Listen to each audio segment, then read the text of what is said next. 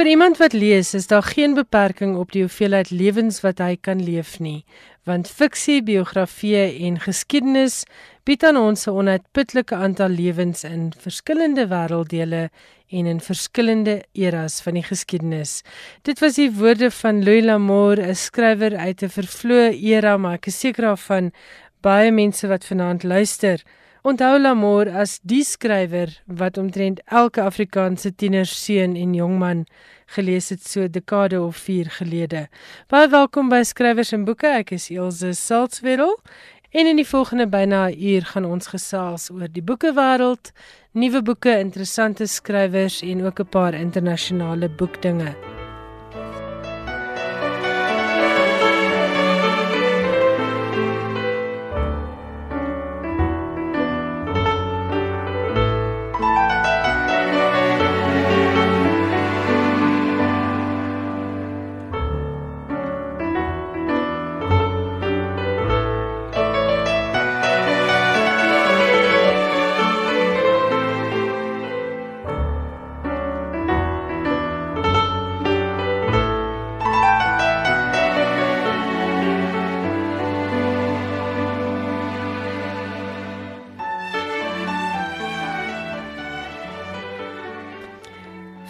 Week het ek beloof om bietjie meer te vertel oor die vier besondere vroue wat deur die ATKV vereer is vir hulle uitsonderlike bydrae tot die Afrikaanse boekbedryf. Hulle is Maritjie Kutse, Cecilia Brits, Alida Potgieter en Hetty Skols. En hier is dan nou so 'n bietjie meer inligting oor elkeen van hulle. Hierdie vroue het werklik groot spore getrap in die Afrikaanse boekbedryf. Cecilia Brits het die afgelope 35 jaar baanbrekerswerk in die Afrikaanse uitgewersbedryf gedoen. Suid-Afrikaans meer toeganklik vir lesers gemaak deur te fokus op ontspanningsfiksie en het die bedryf vernuwe deur in 1994 die sagte band konsep in alle kategorieë te vestig. Dis iets wat ek nie geweet het nie en dit is dat daar redelike snobisme was rondom hardebandboeke tot in die vroeë 90s en Cecilia Brits het dit kom verander. Sy het veral bekendheid verwerf deur die eerste Afrikaanse liefdesverhale gebaseer op die Mills en Boon konsep en reeksboeke vir kinders en tieners te publiseer by die destydse Perskor. In 2004 het Cecilia by Lapa Uitgewers die Romanza reeks geloods en dit is vanjaar 13 jaar oud en baie gewild. Romanzas is die dinner liefdesverhale, die romanses en die Afrikaanse Mills en Boons om dan nou daardie vergelyking te gebruik. Cecilia het ook weer vroue fiksie en spanningsverhale in Afrikaans laat herleef en die sukses van skrywers soos Irma Joubert, Chanet Paul, Sofia Kap en Dina Botha is te danke aan die harde werk van Cecilia Brits. Van skrywers en boeke se kant af ook baie dankie aan Cecilia Brits want sy het Afrikaanse boeke in alle genres weer baie gewild gemaak. Maritjie Kutse is die tweede vrou wat deur die ATKV vereer is vir haar groot bydrae tot die Afrikaanse boekbedryf. Maritjie is iemand wat die groot besluite in haar lewe soms intuïtief geneem het. Een so besluit was om te gaan van home literêr na Himan en Rousseau se opvoedkundige uitgeearm Best Books.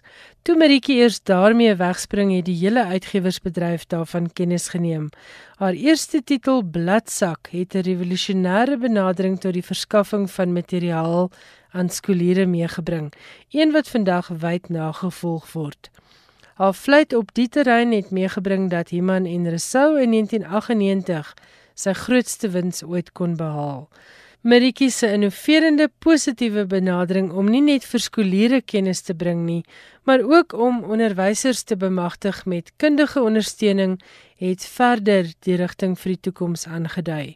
Daardeur het sy diep spore getrap nie net in die Suid-Afrikaanse uitgewerswese nie, maar ook in die onderwys. As uitgewer het sy die hoogste standaarde van taal en teksversorging gehandhaaf. Vir haar skrywers was Maritjie nog altyd 'n vriend, 'n mentor en ook 'n geestelike toevlug. En dit is inderdaad so, daar is maar net een Maritjie Kutse. Alida Potgieter is ook deur die ATKV vereer vir haar besondere rol in die Suid-Afrikaanse uitgewersbedryf. Alida het na 'n suksesvolle loopbaan in die Kaapse Biblioteekdiens in 1982 aangesluit by die span van Iman en Resou. Sy werk 15 jaar lank as 'n uitnemende uitgewer van kinder- en jeugboeke voordat sy in 1997 aangestel word as uitgewer in die volwasse fiksie afdeling, 'n pos wat sy vul tot haar uittrede 17 jaar later. Sy was in die tyd die uitgewer van Andre P Brink, Breiten Breitenbach, John Miles, Wilma Stokenstroom, Karel Skuman, Ingrid Winterbach en vele ander vooraanstaande skrywers. Sonder Alida Potgieter se reuse bydrae op publikasiegebied sou nie alleen die boekebedryf nie, maar Afrikaans as taal veel armer gewees het. En dan iemand wat in die boekbedryf gewerk het en nou steeds agter die skerms baie vir die boekbedryf doen. En dit is Hetty Skols. Na 'n loopbaan in die onderwys begin het hy skools in die jare 80 as uitgewer werk. Sy word in 1984 die bestuurder van Home Literêr en stig in 1991 die onafhanklike uitgewery Kolerie. Hetty was die uitgewer van bekroonde werke soos Die reuk van appels deur Mark Beer en Juffrou Sofia vlug vorentoe deur Bertha Smit. Talentvolle toonaangewende Afrikaanse skrywers soos Marlene van die Kerk met Triomf, Eben Venter met Ek stamel ek sterwe en Dion Meyer met Phoenix se werk het ook by Kolerie verskyn en dit het in 1996 deel geword van Nasboek. Deesdae Media 24 se uitgewersarm NB Uitgewers. Die veelsidige Hetty het 6 en 'n half jaar lank 'n boekprogram op Kyknet se kunsprogram Kunskafee behartig en sy was ook 9 jaar lank die sameroeper en voorsitter van die Mnet literêre toekenninge. Die afgelope 5 jaar is Hetty Skols aan die stuur van die Kyknet rapporte boekpryse. Hetty is 'n ware legende van die plaaslike boekbedryf en in die kringe van skrywers, uitgewers en die media bekend en geliefd as die muse van die wenstreep aan Hetty Skols, Maritjie Kutse, Cecilia Brits en Alida Potgieter. Baie geluk met julle ATKV toekenninge en baie dankie vir alles wat julle vir Afrikaanse boeke gedoen het. Skrywers en boeke elke woensdag aand tussen 8 en 9. Maya Fowler is 'n bekende vertaler en ook die skrywer van 3 vorige romans, twee van hulle jeugromans. Haar jongste roman is Patagonië en dit het baie goeie resensies ontlok en groot byval gevind by liefhebbers van Afrikaanse romans. Ek gesels nou met Maya.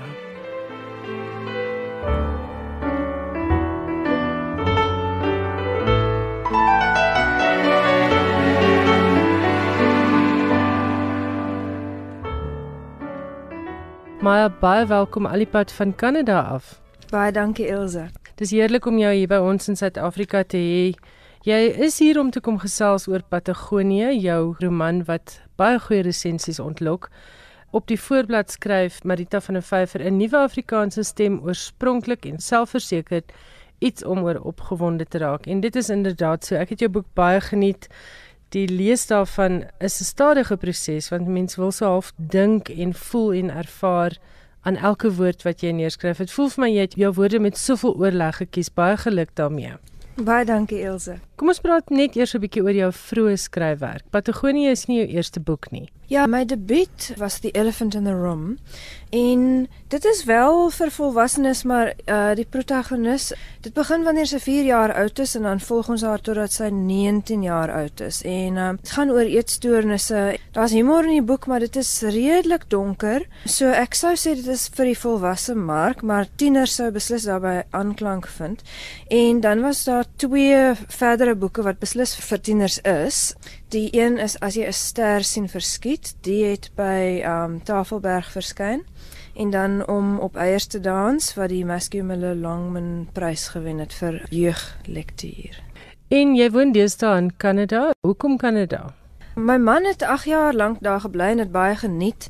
Ons is baie lief vir wintersport en ons was lus vir 'n bietjie avontuur. So ons is nou 3 jaar daar en elke jaar dan besluit ons O, okay, nog 'n jaar, nog 'n jaar want dit is nog steeds pret. Maar ja, ons weet nie lanktermyn hoe dit gaan wees nie en ons bly albei ongelooflik lief vir Suid-Afrika en dit is heerlik om nou weer terug te wees.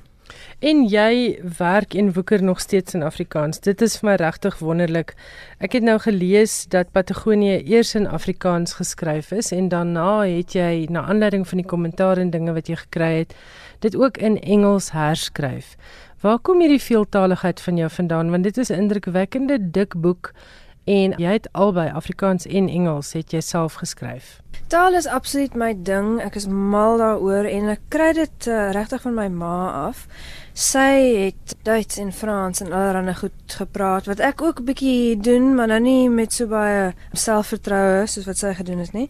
Sy was Duits onderwyseres gewees vir jare lank en sy het my heel veel tale groot gemaak. Ek is nie na Afrikaanse kleuterskool toe nie, sy het my na die Duitse kleuterskool gestuur op Stellenbosch en daar het ek 'n bietjie Duits wys geword en Daarna het sy my na Renish Primary gestuur op Stellenbosch en ehm um, van toe af is ek nog altyd in Engelse skole gewees. En as mens vroeg aan 'n taal blootgestel word, dan is dit maklik, jy weet. So ek is baie bevoorreg dat ek ewe gemaklik is in al twee tale en vertaalwerk is een van my heel gunsteling dinge om te doen. En dis ook waarmee jy jou besig hou in Kanada, skryf en vertaal en maar besig bly met die Suid-Afrikaanse letterkunde, né? Nou. Dis reg so en ehm um, ek is ook 'n studieleier by 'n Suid-Afrikaanse ehm um, skryfkollege aanlyn en baie van my studente is Afrikaans. So al sit ek daar in die vreemde, werk ek vreeslik baie Afrikaans en dit is vir my regtig lekker. Ek wil nou kom by Patagonië. Dis 'n lieflike roman. Dit vertel die verhaal van Tertius Pelser. Hy is akademikus by die Universiteit van Stellenbosch. Interloops ek is 'n outomatie. Ek kon die strate van Stellenbosch herken, ek kon die kampus herken. Jy het dit wonderlik beskryf. Maar Tertius is ongelukkig getroud. Hy is ongelukkig by die werk. Eendag gebeur daar 'n ding wat hom dwing om land uit te vlug en hy besluit instinktief en impulsief om Argentinië toe te gaan dieselfde plek waarheen sy oupa Grootjie in 1902 gevlug het om ander redes, maar Tertius beland in Patagonië en dan begin ons ook oupa Bastian se verhaal van die vroeë 1900s lees. Met ander woorde daar is Tertius en sy geliefde Alta se storie en dan is daar oupa Bastian en Salome se storie. Dis die vier stories wat Patagonië opmaak. Maar hoekom 'n roman oor boere Argentyne? Ja, kyk, ek stel my hele lewe lank al daarin belang. My pa het vir my kleintyd vertel van 'n familievriendin wat in Argentinië gebore is en ons was by hulle aan huis in die Vrystaat. Ek was omtrent 4 jaar oud en dit was vir my net die aangrypendste ding om te dink hierdie tannie is so ver weg gebore in Argentinië en sy praat Spaans, maar sy is 'n Afrikaanse boer tannie. En van daai tyd af het dit my geprikkel En ek wil al jare lank 'n boek skryf oor hierdie mense en sekere dekade gelede al het ek begin notas maak daaroor.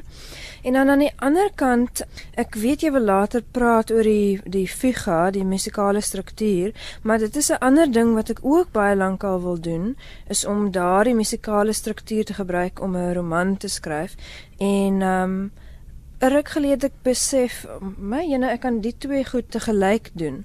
En die musikale struktuur het my absoluut gelei in hoe die storie ontwikkel het. Want in die figa is daar vier stemme en daar's baie herhaling.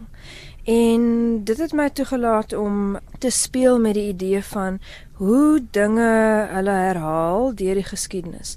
Want ek dink dit is werklik so dat die geskiedenis om herhaal, maar ook in gesinne, in families doen 'n mens dikwels wat jou voorouers gedoen het of of baie keer die heeltemal die teenoorgestelde as reaksie daarteen. Dis so ek die ding geskep het. Maar ek is baie geïnteresseerd in jou beskrywings van Patagonië en jou belangstelling in daardie stuk geskiedenis. Het jy self gaan kyk hoe lyk dinge daar of hoe het jy jou navorsing gedoen? Ja, ek was in Argentinië ja en ek het my ma en pa saamgeneem. Dit was baie lekker ervaring geweest vir ons. En dit was ook spesiaal want dit was die laaste reis saam met my ma want sy is 2015 oorlede en dit het vir haar regtig baie beteken om die Afrikaners daar te ontmoet want sy was so lief geweest vir Afrikaans en baie baie entoesiasties daaroor en sy het vir hulle boeke geneem en so aan. So ek kon met hulle praat, ek kon die taal hoor, ek het baie notas gemaak oor die woorde wat hulle gebruik en hoe hulle grammatika is. Maar dit was ook vir my baie belangrik om die landskap eerstens te aanskou en daardie verskriklike wind self te ervaar, self te sien, die lugte ruik, die see met my eie oë te sien.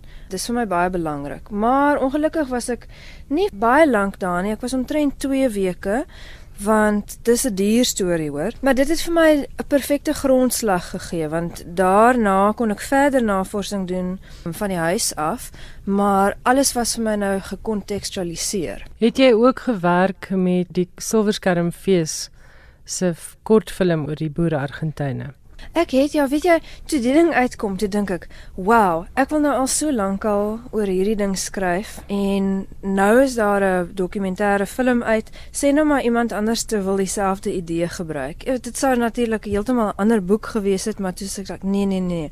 Hierdie is na in my hart. Nou moet ek aan die werk spring." en die skryfproses self, jy sê jy het eers in Afrikaans geskryf.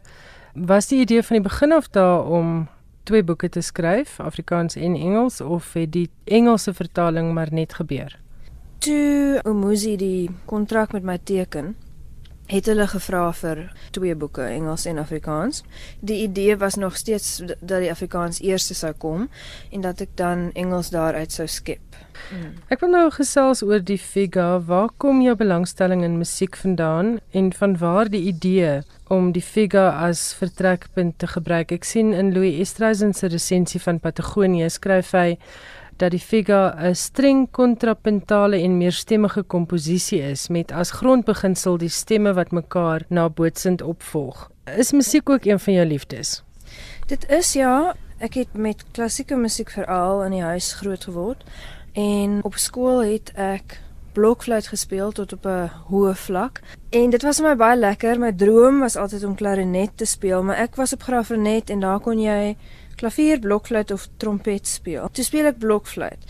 En deel daarvan was ek het musiek geneem op skool en dan in die musiekgeskiedenis en teorie leer mense van die figa en dit het my um, van die begin af aangegryp. Is 'n wonderlike vorm. Jy het nou-nou verwys na jy wou die see gaan ry, jy wou die landskap sien. Jy wou beleef hoe is Patagonië. Jy het ook Karen Breinhard se plaasmoord vertaal. En ek het gelees jy is Karoo toe om te gaan kyk en te gaan luister en te gaan hoor sodat jy presies die regte atmosfeer kan skep vir die vertaling. Hoe werk jy as vertaler en as skrywer want die sintuiglike is baie duidelik vir jou baie belangrik. Ja, so Karen se boek speel af die plek word nie ooit genoem nie, maar dit is Griekwa stad se wêreld. So dit is Noord-Kaap. En dit was vir my belangrik omdat dit nie 'n plek is wat ek goed ken nie, wou ek ook daar gaan sien. Jy weet as sy 'n sekere bossie beskryf of hoe die grond lyk of wat ook al die kleur van die stof, dat ek dit heeltemal verstaan hoe sy dit bedoel het en dat ek dan nou nie 'n flater begaan met die vertaling nie. Kyk, die sintuiglike aspekte gee tekstuur aan die skryfwerk. Dit maak die verhaal baie lewendig in die leser se verbeelding. Dis vir my belangrik. Ek wil hê die die leser moet kan ruik en sien en hoor. Ja, dit dit maak 'n storie lewendig wat my betref. Jy luister na skrywers en boeke. Ek is Elsje Salzveld en ek gesels met Maya Fowler oor haar roman Patagonië. Hoe het jy skrywer geword? Jy het nou vertel van jou taalagtergrond, jou ma se liefde vir taal en Afrikaans. Maar hoe word 'n mens 'n skrywer want jy's relatief jonk. Jy het ja. al 'n hele klompie boeke op jou kerfstok. Jy's bekend vir goeie skryf en goeie vertaalwerk. Hoe het jou skryfpad geloop? Ek was aanvanklik baie bang vir skryf want ek het gedink dis vreeslik moeilik. 'n Boek is 'n groot, groot ding om aan te pak. Maar ek was in my was so nou seker middel 20s toe ek begin speel met kortverhale. Ek is nog steeds baie lief vir kortverhale. Maar wanneer 'n mens leer skryf, is dit 'n bietjie makliker om te werk met kortverhale net bloot omdat dit 'n kort vorm is.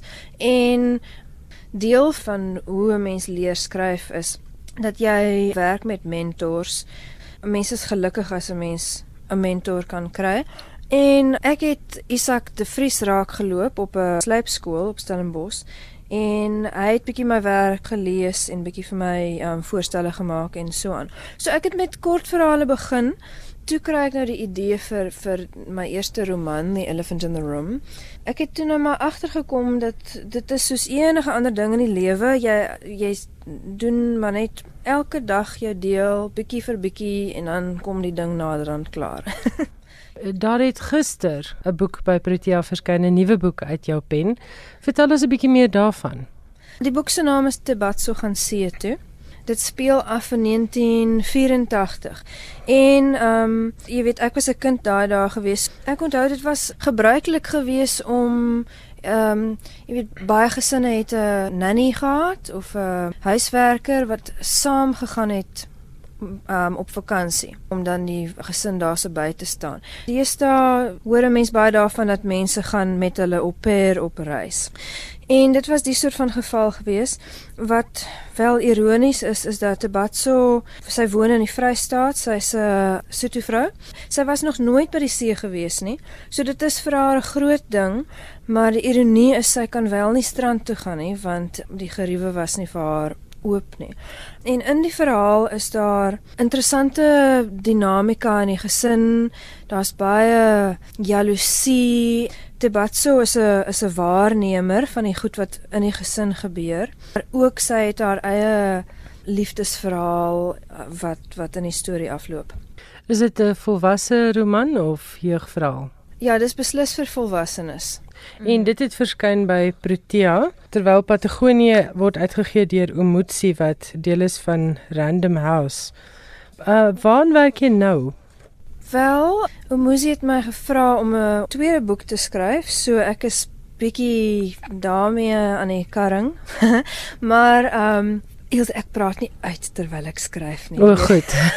goed. Nee, weet jy, dis 'n praktiese oorweging. Ek is bang dat as 'n mens daaroor praat, dan praat jy jou idees uit. Ja. In plaas daarvan om dit op papier te sit. En ja. dan is dit nou 'n vermorsing van krag. As dit op 'n sekere punt is, dan kan ek mense daaroor vertel. Maar die punt is jy is aan die skryf en ons kan nog iets uit jou pen verwag. Ja, kyk, ek is maar altyd aan die skryf. Goed. Jy ja. het nou nou genoem jy is ook 'n dosent by 'n aanlyn skryf college. Mm. Wat is die beste skryfraad wat jy jou studente gee? Want ek weet daar luister heelwat skrywers, aspirantskrywers, voornemende en hoopvolle skrywers na skrywers en boeke. Die belangrikste ding sou ek sê is wat hulle in Engels noem show don't tell. Wys moenie vertel nie. En dit beteken vertel sou wees die man is kwaad en dan wys is sy gesig word rooi en hy blaas hom op of jy weet so so ja. iets. Die vertel dit doen niks vir die leser se verbeelding nie, maar die wys skep 'n prentjie. En dit is die nommer 1 fout wat nuwe skrywers maak is dat hulle nie wys nie. En wanneer 'n mens nou hierdie idee onder die knie het, dan kom dinge vinnig reg. En veral wanneer 'n mens dan as jy nou daarvan weet en jy lees nou 'n boek, dan is jy daarop attent en dan sien jy hoe alle skrywers dit doen en dan maak dit sin. Ja, te wys moenie vertel nie. Goed, jy raak nou hier aan 'n belangrike ding as jy 'n boek lees. Hoe belangrik is dit vir voornemende skrywers en skrywers natuurlik om te lees? Dit is ongelooflik belangrik. Een van die baie gawe dinge van skryf. Dit is die enigste ding in die hele lewe waar 'n mens wel deur osmose leer. Wanneer 'n mens lees dan tel jy sensitiwiteit op vir goeie styl jy absorbeer dinge oor perspektief, jy absorbeer hoe om dialoog te skryf, die uitleg daarvan. Ja, die lees is ongelooflik belangrik. Plus 'n mens moet weet wat aangaan in jou genre of in jou veld. En wanneer iemand probeer skryf en hulle lees nie, kom 'n mens dit baie gou agter. So dis onontbeerlik. Dit is die, Absoluut, die ja. ander nommer 1 raad vir 'n voornemende skrywer nas show and tell is dan lees. Dit is so ja, ja. Maya Fowler, baie dankie dat jy met ons kom gesels het hier by Skrywers en Boeke. Baie geluk weer eens met Patagonië. Dis inderdaad 'n pragtige boek wat ek kan aanbeveel vir almal wat lief is vir Afrikaanse letterkunde En neem maar jou tyd om hom te lees want dit is regtig woord vir woord mooi geskryf. Baie dankie Elsje. Ek het gesels met Maya Fowler oor Patagonië, haar jongste roman. Gaan maak gerus ook 'n draai op Litnet. Ek het my vergaap aan 'n artikel daar getiteld Boertuine, 'n familiefotoalbum uit Argentinië. Dit is 'n ou artikel waarin Cecil Dickinson gesels oor boere op die aardstrempel. Dit is 'n baie aangrypende stuk werk oor sy Argentynse wortels en hy deel ook fotos uit 'n album van 1971. Gaan maak dan ook 'n draai op RSG se webwerf. Ek het gevra dat daar 'n voorskou geplaas word van die Kyknet Silverskermfees 2015 kortfilm getiteld Boers at the End of the World boere op die aardstrempel. Gaan kyk net hoe mooi is dit. Gaan hoor hoe praat hulle Afrikaans. Dis 'n tipe ouer Afrikaans wat ons nie meer deesdae te gereeld hoor nie. Maar gaan kyk na die landskap, gaan kyk na die mense en lees dan Maya Fowler se Patagonië. Ek het 'n e-pos gehad van Theo Kemp van die Jakes Gerwel Stichting. Hy het laat weet dat die tweede Etienne van Heerden veldswaarai wat gereël word deur die bekende feesorganiseerder Darryl David vanjaar plaasvind van 22 tot 25 September. Dit is volgende naweek wat 'n lang naweek is en al die lekker Etienne van Heerden boekdinge gebeur daar in die Kraddock distrik. Vanjaar is die eerste keer dat die fees in samewerking met die Jakes Gerwel Stichting ook hulle bedrywighede uitbrei na Somerset Oos. Oor hierdie samewerking sê Darryl David, dis 'n groot eer vir die veldswaarai om 'n deel van die program by Jakes Gerwel se huis aan te bied en om so ook die gemeenskap van Somerset Oos, 'n dorp waarvoor Gerwel baie lief was, te bereik. Gewilde en uiteenlopende skrywers waaronder Karen Breinhardt, Bettina Weingart, Ronaldo Kamfer, Nathan Trantral en Dana Snyman sal op Sondag 23 September om 2 uur te sien wees by die Jakes Gerwelhuis op Somerset Oos. Hierdie skrywers sal gesels oor hulle skryfwerk en ook daaruit voorlees. Theo laat weet ook dat die Jakes Gerwel Stichting in die proses is om die ruim en historiese Gerwelhuis op Somerset Oos te omskep in 'n skrywershuis. 'n Lekker ruim skrywershuis, daar ses slaapkamers, vele werksruimtes, 'n lesinglokaal en lowergroen tuin. En een van die toekomstige projekte wat hier beplan word, is om 'n mentorskapsprogram vir opkomende skrywers aan te bied vir skrywers wat andersins nie die geleentheid sou gehad het om hulle skryfvaardighede met kundige leiding te slyp nie. Die Etienne van Heerden Veldswaarai sal verder bestaan uit 'n veldskool vir ontwikkelende skrywers met as mentors skrywers soos Etienne van Heerden, Bibi Slippers, Fanny Olivier Isak de Vries, Meld Meiberg en Chanet Paul. Die veldskool sal gratis wees en op prosa en poësie konsentreer. Ander skrywers wat volgende naweek betrokke is by die Etienne van Heerden veldswaarai, sluit onder meer in Willie Burger, Clinton Du Plessis, Theo Kemp, Maya Fowler, Kirsten Miller en Kobus de Tooi. Vir meer inligting oor die veldskool en ook oor die volledige feesprogram, skakel gerus vir Darryl David by 081 360 9231. Ek herhaal graag 081 360 9231. Dan het ek verlede week gelees dat Martin Steyn se debuutroman Donker Spoor een van die dae ook gaan spore maak in Turks. Hierdie roman is deur die literêre agent Katrina Wessels suksesvol aan 'n Turkse uitgewer voorgelê. Donker Spoor is destyds bekroon met 'n ATKV woordfeertjie in die kategorie spanningsroman en is ook intussen in die FSA uitgegee as Dark Traces en Martin Steyn het self die boek vertaal. Die Amerikaners was gek oor Dark Traces en dit is met 'n Kirkus ster vereer. Dit is 'n enorme eer vir enige boek want hierdie is 'n tydskrif wat bekend is vir vlamskerp kritiek en bestaan al sedert 1933. Kirkus ken jaarliks ook 'n groot prys van 50000 Amerikaanse dollars toe. Boeke wat met 'n ster bekroon word, wat dan nou ook Martin Steyn se Dark Traces insluit, kom outomaties in aanmerking vir hierdie prys wat beteken Dark Traces ding nou mee vir die Kirkus 2018 prys. So Martin Steyn, ons hou vir jou al ons duime vas. Die resensie in Kirkus het positiewe melding gemaak van Martin se gebruik van Afrikaanse woorde soos klagtebakkie en oom wat in die Amerikaanse teks behoue gebly het. En alle Martin Steyn aanhangers sal baie bly wees om te hoor sy vierde roman Losprys verskyn in Oktober. Soos die titel aandui, handel dit oor die ontvoering van 'n rykmanskind. Vir mense wat nog nie weet van Martin Steyn nie en wie se belangstelling dalk nou geprikkel is, na Donkerspoor het Lapa ook skuldig gepubliseer. Dit is met 'n ATKV woordfeertjie bekroon. Sy derde roman Swartval was 'n donker roman wat verkrachting en die gevolge daarvan bekyk het. Dit dan sommer net so brokkie of twee uit die plaaslike boekwêreld.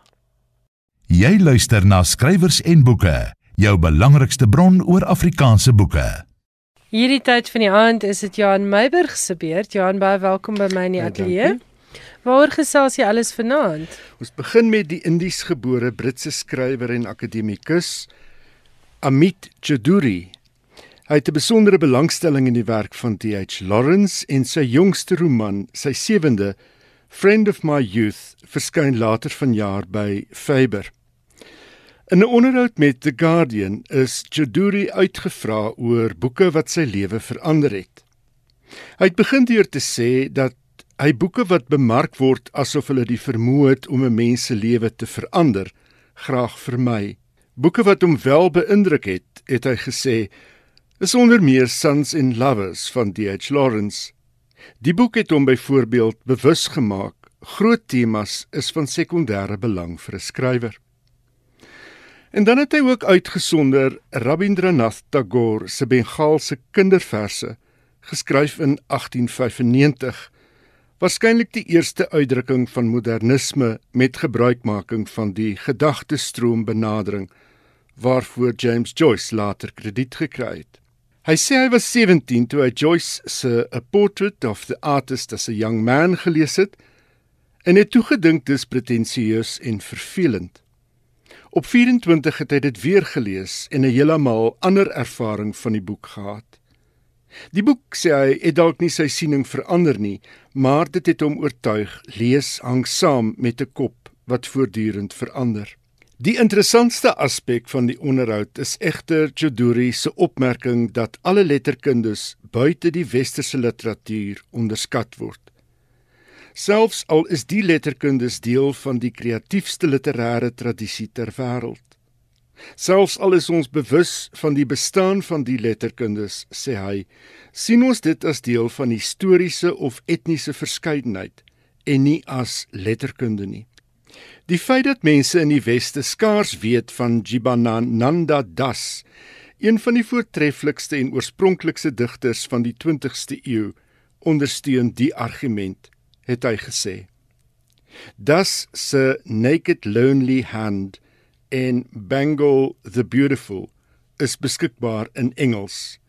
Dis wat Jaduri vir my die afgelope week na vore gebring het. Wie, daar's net twee goed wat jy gesê het wat vir my uitstaan. Die eerste was daardie stukkie waar hy gesê het 'n groot tema is sekondêr aan 'n goeie boek. Ja. Dis nie noodwendig die belangrikste aspek in in in in 'n boek hierdie storie bly die belangrikste. Ja. Die ander aanhaling wat my nou vir 'n lang tyd sal bybly is hierdie dat lees saamgaan met 'n kop wat voortdurend verander. Want dit is so mens as mens groei deur lees, né? Dink maar aan 'n boek wat jy gelees het as kind wat wonderlik was.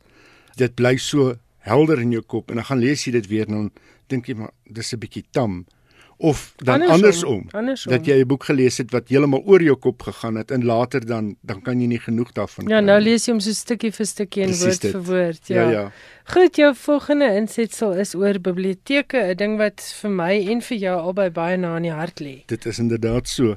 Wat is die rol van die openbare biblioteek in die samelewing?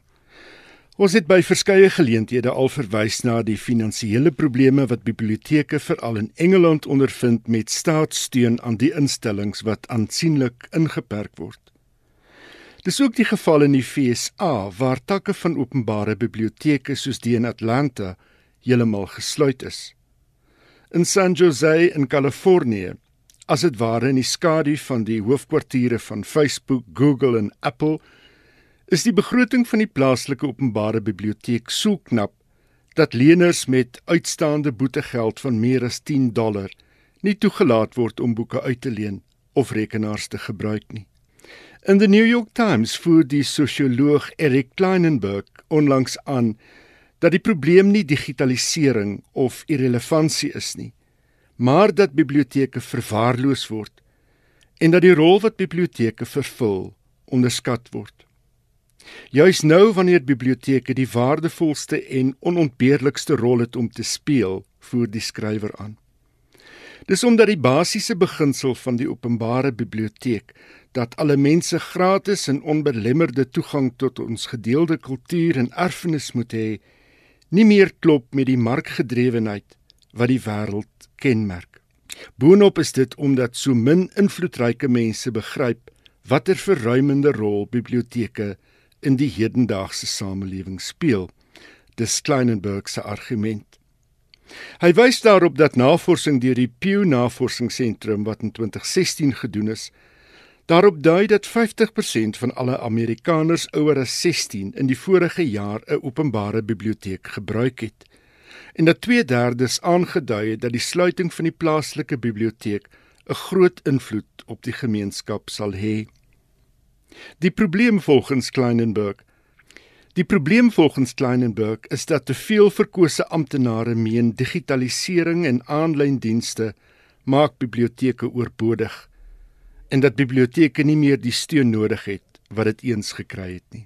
Dis interessante argumente. Wat sê jy daarvan? Ek inderdaad is dit so dat boeke is nie dood nie. En en ek dink sy argument dra mynsins heel wat gewig dat mense hierdie persepsie het van digitalisering is die toekoms en die, ons het dit gesien met boeke, ons sien dit met uh, met sneuwelende koerante en en eweso is dit uh, werk dit ook deur na biblioteke. En niks vervang 'n papierboek of 'n papierkoerant. In ons land is data baie duur, so mense het nie toegang Presies. tot iets soos 'n um, digitale koerant noodwendig. Plus jy moet daarvoor betaal. En 'n biblioteek bly 'n wonderlike bron van gratis kennis. En daarom dink ek moet biblioteke ondersteun word en en moet 'n mens elke oomblik gebruik wat jy kan om die lof van biblioteke te besing.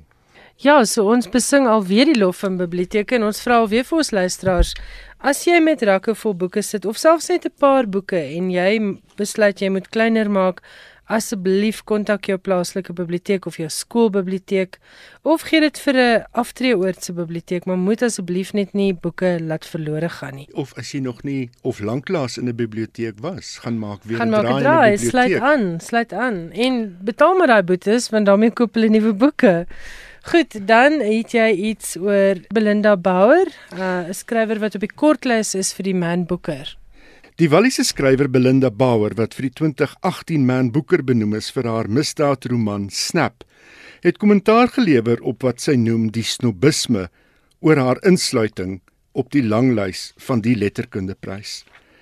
Bauer wat in Kent gebore is en in Suid-Afrika groot geword het, het haar roman gegrond op die moord op Marie Wilkes in 1988. Die swanger Wilkes is dood nadat sy haar jong suster en baba in hulle motor wat gebreek het aan die kant van die pad gelaat het om te gaan hulp ontbied. Haar liggaam is later 'n paar kilometer verder aangetref. Die insluiting van misdaadfiksie in vanjaar se langlys het kritiek van populisme uit sommige oorde ontlok. Misdaadfiksie is voorheen nie gesien as 'n mededinger vir die Man Booker nie. Bauer het gesê sy is nie verras oor die kritiek nie, maar dat dit onregverdig is om enige genre na die kantlyn te skuif. Dis niks anders nie as snobisme, het sy gesê, en eintlik begryp ek dit nie. Die belangrikste ding is dat mense lees. Ek gee nie om wat hulle lees nie. Sover dit my aangaan, kan hulle die ontbytgraanboks lees. Ek dink om enige fiksie genre te marginaliseer of dit literêr of misdaad is of romanse of wat ook al beteken net jy verskraal leesopsies. Bauer se debuut Blacklands het in 2009 verskyn en daarmee het sy die Gold Dagger Prys vir misdaadfiksie verower. Na die roman het Darkside in 2011 en Finders Keepers die volgende jaar gevolg. Rubbernecker, haar roman van 2014, het die Theakston's Old Peculiar Crime Novel of the Year prys ontvang. Die kortlys vir die Man Booker word binnekort op 20 September aangekondig en die wenner op 16 Oktober. Hier praat Belinda Bauer oor Rubbernecker, haar roman van 2014. The book is a story of a medical student who starts to suspect that the cadaver that he's dissecting in his anatomy class might be a murder victim. He has to sort of retro engineer the crime before he finishes cutting up the evidence. Uh, Rubbernecker came to me um, after a dream I had that I, where I died. And it was such a terrifying dream. It stayed with me for months and months. And I kept thinking I have to use that in a book somehow because um, I would like to convey that sense of terror to, to the readers. Um, and then I kind of married it together uh, with the idea I had about this medical student, Patrick, um, trying to solve a crime that he was very ill equipped to solve because Patrick has Asperger's syndrome. And um, really, that's how the idea for the book came about. Um, I started to research it by doing an awful lot of online research about uh, anatomy and dissections and stuff like that. Um, but eventually I had to um, gird my loins and go to the, uh, the local university uh, anatomy dissection room and see for myself exactly what it was like because there's just so much you can look at online but really when it comes down to it you have to touch a dead body and you have to smell a dead body to be able to convincingly portray that moment to your readers. And although I was quite squeamish about doing that, I'm really glad I did because I really think it adds to the book. Dit was Belinda Bauer, sy het gesels oor haar roman van 2014 Rubberneckers en vir ingeval jy gemis het wat Johan gesê het, Belinda Bauer se boek Snap is benoem vir vanjaar se Man Booker Prys. Johan en dis mos maar wat ons hier by skrywers en boeke ook probeer doen. Ons probeer mense aan die lees kry en ons sê lees enigiets waarop jy jou hande kan lê, maar lees net. Moenie snobisties lees nie. Ja, moenie snobisties lees nie. Altyd lekker om met jou te gesels. Ons praat dan volgende week weer. Baie dankie.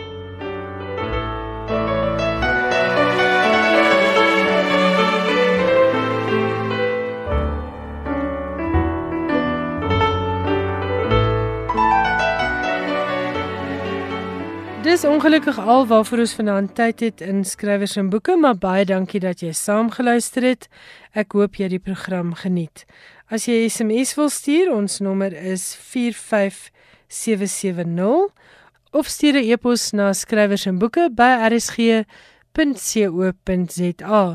Volgende Woensdag gaan om 8:00 is ek terug met nog 'n uitsending van skrywers en boeke. En dan is my gas Pieter van Sail, 'n baie bekende joernalis. Pieter se boek oor die ontvoering van 16-jarige meisies deur Gert van Rooyen en Joey Harof van jaar 30 jaar gelede het verlede week verskyn. Ek gaan met hom daaroor gesels. Soek hom hoor gerus wat is nuut in hierdie saga? Is daar enige nuwe getuienis? En ook hoe het Pieter hierdie nuwe fiksiewerk aangepak? Dit en nog heelwat meer in volgende week se skrywers en boeke. Tot dan groet ek Ilse Salzwedel. Geniet die res van jou aandag vir die radio en ek hoop jy het heerlike leesstof vir die res van die week. Onthou om 'n draai te gaan maak op ons webwerf om te kyk na daardie kortfilm voorskou oor die boere Argentyne in Patagonië. Tot volgende week, totsiens.